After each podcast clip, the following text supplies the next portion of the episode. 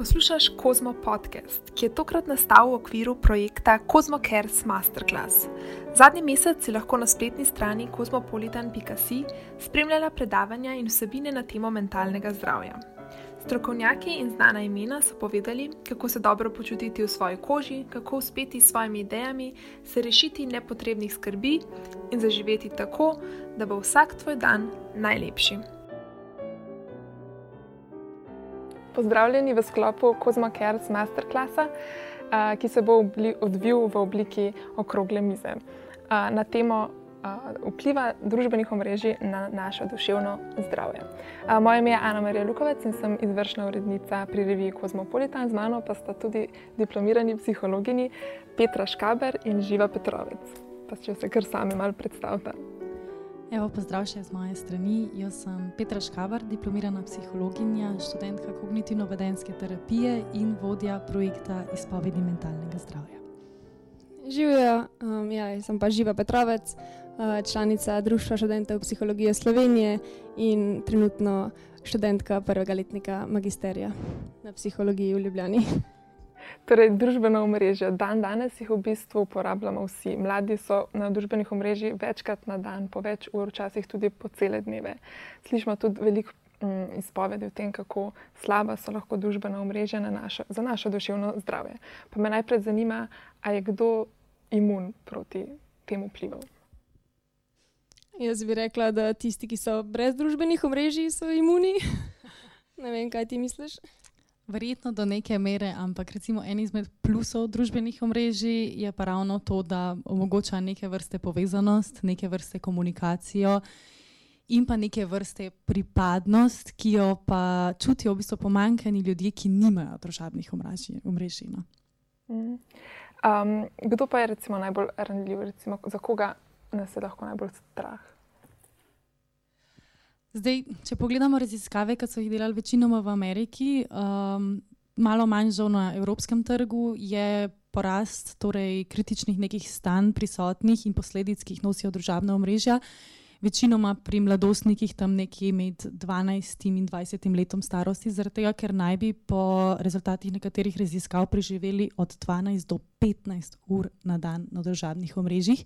Se pa je pokazala tudi povezava med tem, ali imamo vem, ena do pet družabnih omrežij, razli, različnih platform, ali pa nekateri v Ameriki celo do enajst, je pa pomembna povezanost se pokazala potem z depresijo, anksioznostjo in tesnobo ne, pri mladostnikih.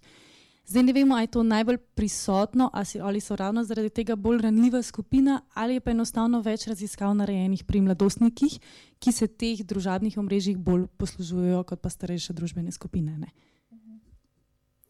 Um, kako pa, mislim, kateri vidiki družbenih omrežij pa so tisti, ki lahko sprožajo neke negativne odzive naši psihi? Jaz bi rekla, da je ena taka stvar, ki jo vsi ljudje počnemo, da se primerjamo. In družbena omrežja so ena, tako, ena taka platforma, kjer vsi ljudje delimo svoje popolno življenje, in te slike naših življenj so zelo popačene. Mm, itak, da je normalno, da ljudje pač delimo svoje uh, najboljše trenutke, ker želimo deliti z ljudmi, kako smo srečni, kako se imamo fajn. To je čisto normalno, ampak problem je, da se potem, predvsem na družbenih omrežjih, primerjamo med sabo in potem en posameznik gleda neko osebo, ki ima popolno življenje in se primerja, s, in primerja to življenje s svojim, in potem pride do neke tesnobe. Um, lahko tudi ja, do, nekega, do neke depresivnosti v smislu občutja. Um, tako da je potem to problematično, no? um, ker mogoče pa ti ne hodiš toliko na potovanja, nimaš toliko velik prijateljev, nimaš toliko popolne postave. Um, to se mi zdi tako ena taka problematična stvar. No? In kako lahko rešimo to s tem, da ne sledimo takim ljudem, da se odmaknemo iz družbenih omrežij, kako filtriramo take osebine?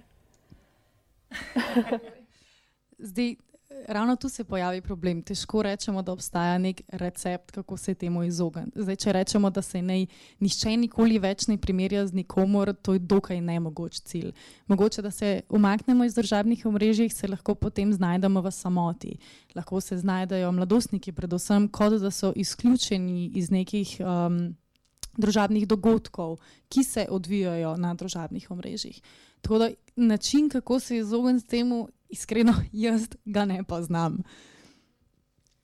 Jaz bi mogoče rekla, da lahko malo spremljamo, katere osebe, ki jim sledimo na družbenih omrežjih, nam povzročajo neka občutja, ki niso dobra. In potem, če smo dovolj um, samo reflektirani, pač če se dovolj pogledamo, kako se počutimo, ko spremljamo to osebo, in če smo potem tudi dovolj tako korektni in pogumni, pač nehamo slediti in se na ta način izognemo, da mogoče ni nujno, ker zelo težko je zdaj reči. Ja, zbriš si Instagram, zbriš si Facebook, ker večina ljudi tega ne bo naredila, ampak mogoče pa pač omejimo uh, ljudi, ki jim sledimo, no? ali pa vsaj tisti, ki nam povzročajo nekaj, neka negativna občutja veliko družbenih omrežij, če ne v bistvu vsa so narejena tudi neko, njihova strategija v osnovi je, da nas um, zasužni, da, na, da nas manipulira s tem, da nam daje neke doze dopamina, da se mi vračamo, da smo čim več časa prisotni na družbenih omrežjih in nekako posledično prinašamo denar. Um, kako neka mlada oseba v razvoju lahko sploh kontrolira to, da, kaj se izvaja nad njo? Jaz mislim, da zelo težko kontroliramo mi sami to, kar se dogaja. Um, Dobro je, da se tega zavedamo. Mogoče, mogoče s tem že veliko naredimo. Da se zavedamo, da ne vem, ker trenutno rabimo nove čevlje in smo šli pogledati neke nove čevlje. Bomo zdaj imeli še en teden na Instagramu um, objave, ki nam sponzorirajo, mislim, ki nam promovirajo čevlje. Um, da se pač tega zavedamo in da potem ne kliknemo na to objavo. Ne? Ne vem, meni se je to zgodilo. Jaz sem zdaj um, rabila vem, na opralni stroj in zdaj imam same objave o opralnih strojih in o uh, tem in tem pohištvu. No, zdaj, po, mojem se, po mojem mnenju se tudi zelo težko ognemo temu, ker en izmed glavnih namenov državnih omrežij od skoraj da samega začetka je bil marketing. Ne? In tudi, recimo, Facebook, sama kot platforma, je ena izmed najmočnejših platform za marketing, in vedno bolj se tudi večja podjetja usmerjajo v to smer.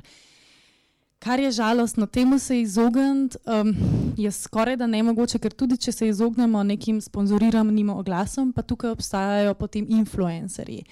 Ja, ljudje, ki prodajajo neke izdelke ne zaradi tega, ker bi verjeli v njih, ampak zaradi tega, ker so na tak ali drugačen način plačani. Zdaj, všeč mi je, ker nova filozofija Facebooka, ki jo je uvedel, je, da označi vsako objavo, ki je sponzorirana, kar pomeni, da saj do neke mere nam omogoča, da vidimo, ali je stvar torej nekega organskega, naravnega izvora ali je torej plačana. Vendar spet se znajdejo tukaj ljudje, ki to delajo v zameno za majhna plačila, eh, izdelke. Celotna ta influencerska strategija tudi zelo strmi k temu, da je povečana prodaja ne pa da bi povišali neko dejansko kvaliteto življenja posameznika. Ne. Kako pa se danes psihologija odziva, tako kot veda, na, to, na ta prihod in vstop družbenih omrežij v naše življenje? A je to tema na faksu, recimo, da se o tem pogovarjate? Eh, v mojih dosedanjih izkušnjah izobraževanja o tem uh, nismo govorili v klasičnih oblikah, torej na predavanjih. Uh, Se pa vedno več pojavlja raziskav na to temo, vedno več je tudi govora o tem, kako naj bi uh, psihoterapija in terapija tudi lahko pogledala skozi te. Skozi oči družabnih omrežij, kako lahko obravnava nove mentalne in duševne motnje, v smislu tega, da so nastale kot posledica družabnih omrežij, mogoče odvisnosti družabnih omrežij, odkrivajo se neke nove, uh, novi sindromi. Ravno kar sem prebrala, da obstaja sindrom um, nekakšnega vibriranja telefona, kar pomeni, da si tako zelo, nekaj, ne bom rekla obseden, ker je to precej močna beseda, ampak nekako obremenjen z tem, da potrebuješ konstantne neke odzive z telefona. Da že dejansko čutiš telefon, kako vibrira in to na pol ure. -hmm. Ja, jaz včasih slišim, da mi zvoni telefon, pa mi ne.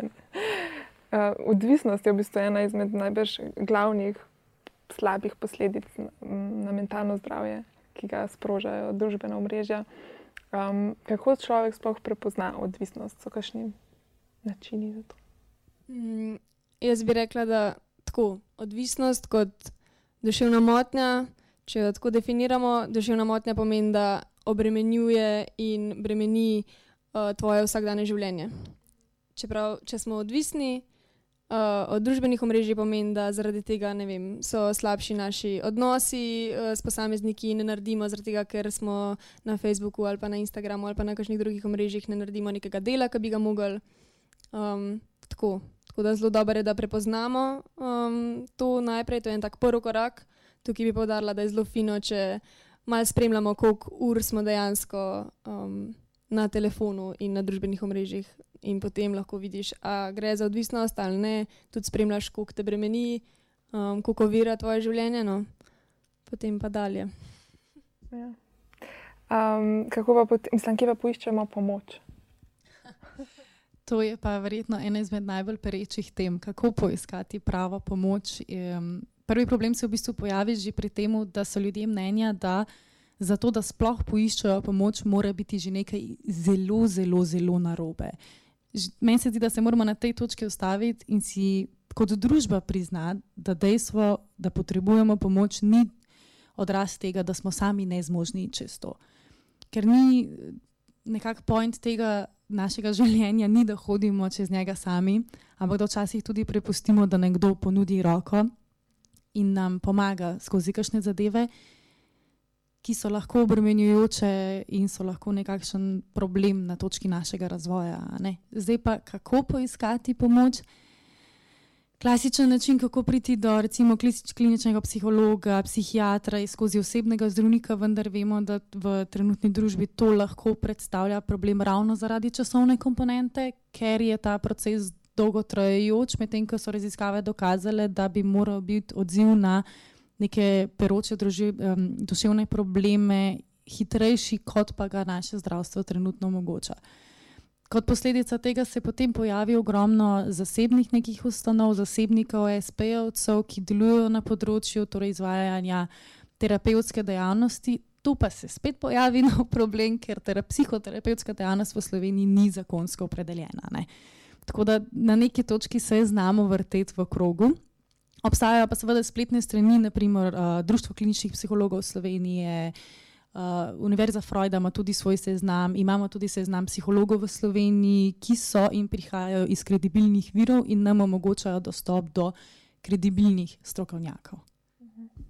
Se v bistvu na nek način tudi družbena omrežja lahko predstavljajo vir pomoči za mnogo uh, katero osebo. Sploh se mi zdi, da uh, um, neki ljudje, ki so morda malo drugačni in prej niso bili sprejeti v družbi, zdaj zaradi socialnih omrežij dobivajo svoj prostor v svetu. Mogoče tudi zaradi socialnih omrežij več govorimo o um, mentalnem zdravju danes. Ja, se strinjam. Uh, mogoče bi le podarila, da ena taka prva stvar, saj jaz mislim, no, da je bil namen družbenih omrežij to, da se povežemo z ljudmi, to, da lahko komuniciramo in govorimo z ljudmi, in pač, imamo več, večji občutek povezanosti drug z drugim. Um, tako da verjetno se definitivno najdejo ljudje, ki so našli nekoga na, preko družbenih omrežij. In tudi vedno več ljudi se pojavlja na družbenih omrežjih, kar pomeni, da je večja verjetnost, da boš našel nekoga, ki ti je podoben in te bo to verjetno spravilo boljšo voljo. Um, Zdaj, v bistvu en izmed uh, glavnih namenov toliko let nazaj, ko sem začela s svojim projektom izpovedi mentalnega zdravja, je bil ravno to, da ljudem pokažem, da tudi na državnih omrežjih obstajajo ljudje, ki se soočajo z enakimi ali podobnimi problemi kot se mi. In ena izmed stvari, na katere sem najbolj ponosna, je, da danes je malo morje takih projektov na Instagramu, na Facebooku. Tudi projekti, ki že leta in leta obstajajo, kot recimo projekt Kako si, so postali vedno močnejši tudi na platformah, kot so naprimer Instagram in Facebook. To je verjetno ena izmed najlepših novic, kar bi jih jaz lahko dobila, ker to je bil namen mojega projekta vsa ta leta nazaj, ko sem bila edina in na momente osamljena na družabnih omrežjih. Torej, v bistvu so jim pozitivna in negativna ta družbena omrežja. Definitivno, ja. um, se vam zdi, um, da je zdravo, da smo recimo, čez dan smo v stiku z ljudmi v službi, del, v del, tako, z družino in tako. In potem, ko se umaknemo svoj čas zase, poiščemo na spletu, pa smo spet na nek način v stiku. Če ne neposredno, saj so neki ljudje online, za katere vemo, da jim moramo ugajati, mogoče se biti skozi pod nekim nadzorom. To se je v bistvu ravno pri meni pokazal problem. Uh, ker delam precej velikih stvari naenkrat, moram biti tudi precej dosegljiva, bodi si na telefonu, bodi si na mailih. Enostavno v naprimer, zadnje pol leta, ker se je večina komunikacije premaknila na in službena omrežja in družbena omrežja, sem postala preobremenjena. Konstantno imajo ljudje občutek, da imajo pravico dostopati do mene. Se mi zdi, da je to postala postal problem v družbi. Konstantno moramo biti na voljo, konstantno moramo biti prikazani v najboljši luči, vkolikor smo strokovnjaki strokovni, vkolikor smo ne vem, eh, nekako lebljeni kot razigrani, pa konstantno razigrani. Torej, je skozi neka slika, ki jo moramo slediti in se je od nje izjemno težko odpočiti. Vendar sem pa tudi sama pri sebi spet zaznala, da hkrati potem, ko si ne želim, da bi bila konstantno na voljo, pa svoj prosti čas in čas za me preživljam na telefonu. Ja, zdaj mogoče dodala, da tako ljudje smo zelo družabna bitja nasploh in definitivno želimo preživeti uh, in v službi in potem doma, ko pridemo še vedno v stikih z ljudmi. Um, sam se mi pa zdi, da imamo vsi vse ta občutek, da rabimo biti tudi malo sami. Um, in se mi zdi zelo pomembno, da si to vzamemo, da si vzamemo čas zase, se pravi, naredimo nekaj brez družbenih omrežij, brez tega, da smo v stiku z nekom, da ne vem, spijemo čaj, pogledamo film, preberemo knjigo, karkoli nam, nam paše, ampak da si to res vzamemo. No, to. In kako vidite, recimo, um, manevrirate med tem zasebnim, online? Jaz moram iskreno povedati, da mi je izobrazba zelo pripomogla k temu ker mi je dala um, neko potrebo po tem, po samorefleksiji, po pogledu vase. In kadar zaznavam, da se je vpliv družabnih omrežij na nas, nisem name, torej povečal, zmanjšam intake. Naprimer, dva dni nazaj zvečer sem odkrila, da sem na telefonu zvečer pred spanjem preživela dve uri. Zato je včeraj ob sedmih zvečer, ko sem se v bistvu umaknila v, v nekakšno samoto in izkoristila čas zase sem ga namenila branju knjige in sem načrtno izgasnila telefon. V sami osnovi pa je tako vemo, da je en izmed najbolj uh, endorfinastih načinov um, preživljanja prostega časa, je pa šport, kar pa vedno, vedno predlagam in vsem svojim klientom in vsem svojim prijateljem. No. Ja, jaz bi rekla, da tudi zadnje čase sem kar precej aktivna, vsaj v tem, da stalno komuniciram z ljudmi, pa zdaj le se itak dosta aktivnosti dogaja v društvu, pa faks je začel in vedno več je te komunikacije. Uh, tako da včasih sem se recimo sprostila s tem, da sem pogledala eno serijo, zdaj le pa kaj tudi vse prek spleta. Ne morem, ker sem od 8 do večera, od 8 do večera na, za računalnikom, tako da zdaj sem se um, že ene dva tedna igram uh, s Phantom Scrabble. to je en tak način sproščanja. No. Um, da pač nisem za ekranom. No, Zdaj ta pandemija, pa smo bili v samoizolaciji, pa nismo se smeli družiti. Verjetno smo se še toliko bolj eh, mogli zatekati k komunikaciji prek spletnih omrežij. Kako se je to poznalo na našem duševnem zdravju ali pa nasplošno? Ja, verjetno, glede na to, da smo bili socialno izolirani, pa se je mogoče tudi kakšno osamljeno zraven pojavlja, definitivno dobro. Um, verjetno je tudi kakšnim vem, starejšim ljudem, ki so lahko tako komunicirali vem, z unuki ali pa z družino, um, je definitivno dobro vplivalo na ne, da so se tako pač, um, videli vsaj, oziroma slišali na tak način. Je pa potem tukaj spet to, da smo potem verjetno preveč na omrežjih in smo utrujeni. In, ja. Dobro raziskavo na to temo je naredil naš kolega Žan Lep, psiholog. Uh, je bil tudi pred kratkim, v bistvu je bila objavljena, je javno dostopna, ki je ravno preverjala vpliv državnih omrežij na odzivnost glede na prisotnost COVID-a v družbi. Ne.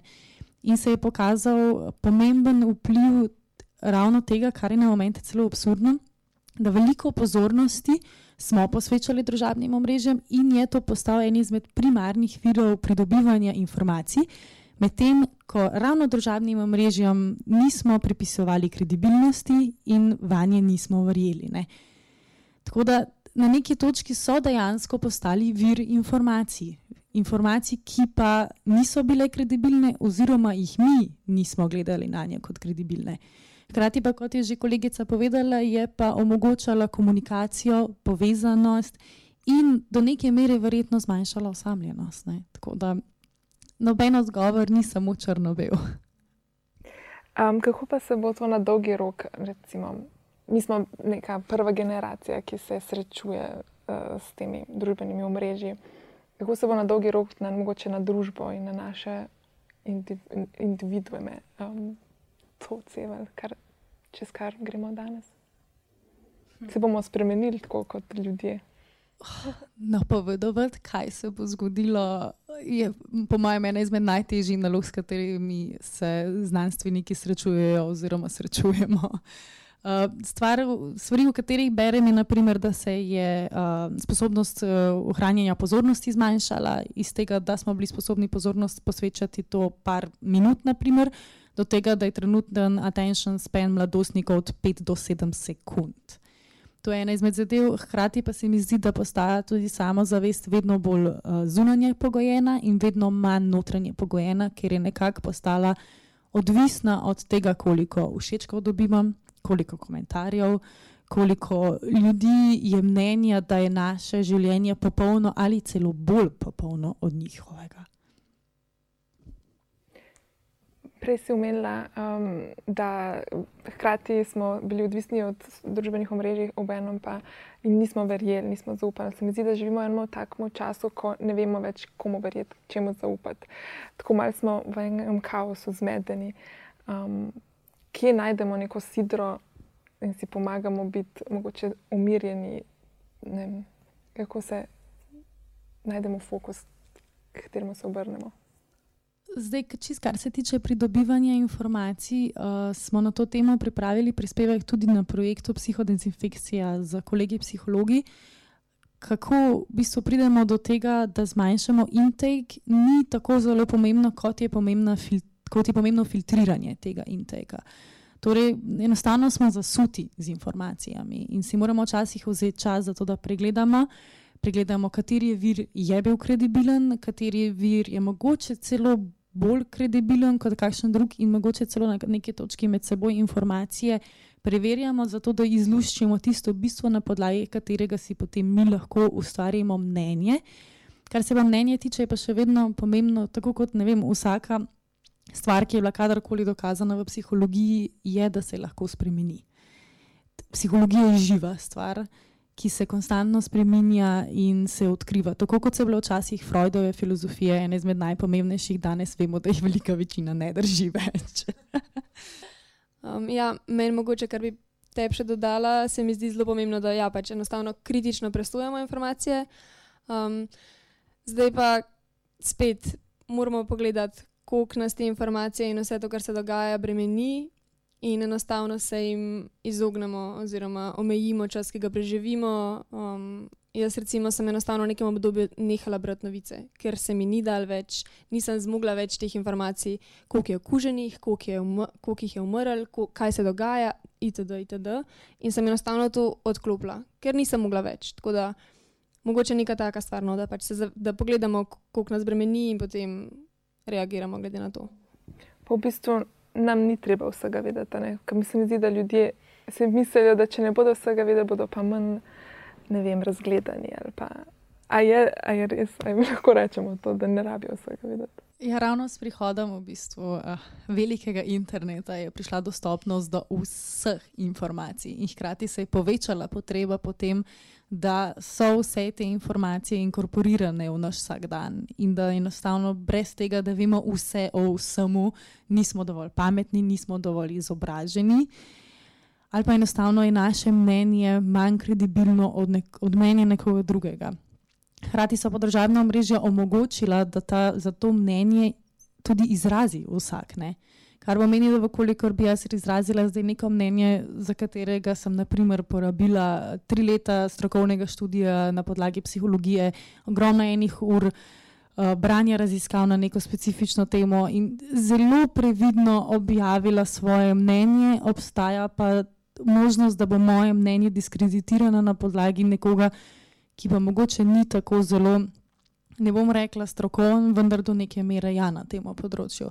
Ker omeni, da spet so nam omogočili neko morje informacij, brez možnosti kritičnega presojanja, katere informacije so kredibilne in katere informacije nismo, in spet se znajdemo na prejšnjem vprašanju. Ja. Ali lahko kako filtriramo, kar se tiče recimo informacij o mentalnem zdravju, koga poslušati, koga rajšne? Jaz bi lepo darila, da je zelo fino, da pregledamo mogoče izobrazbo, um, da pač stoji za objavami ali pa za neko stranjo res nek strokovnjak. Um, se pravi, da je tu psiholog, psihologinja, klinična psihologinja, ne, mogoče bo še ti koga dodala, ampak načeloma, da res preverimo, da to ni uh, nek pravnik ali pa nek ekonomist, ki zdaj ve, kako se bo dobro prodajal na družbenih omrežjih in to izkoristil. Uh, ker klej pridemo do velike težave, da ljudje potem najdejo napačne informacije. Um, tako da to se mi zdi ena taka prva stvar. Um, ker je vsem veliko dobrih strani, ki pač so kredibilne in so lahko nek vir informacij ali pa pomoči, ali pa te saj obrnejo kredibilnim um, osebam, ja, ki ti lahko nudijo pomoč. Ne vem, brz psihologije je tak, taka stran, ki je zelo dobra.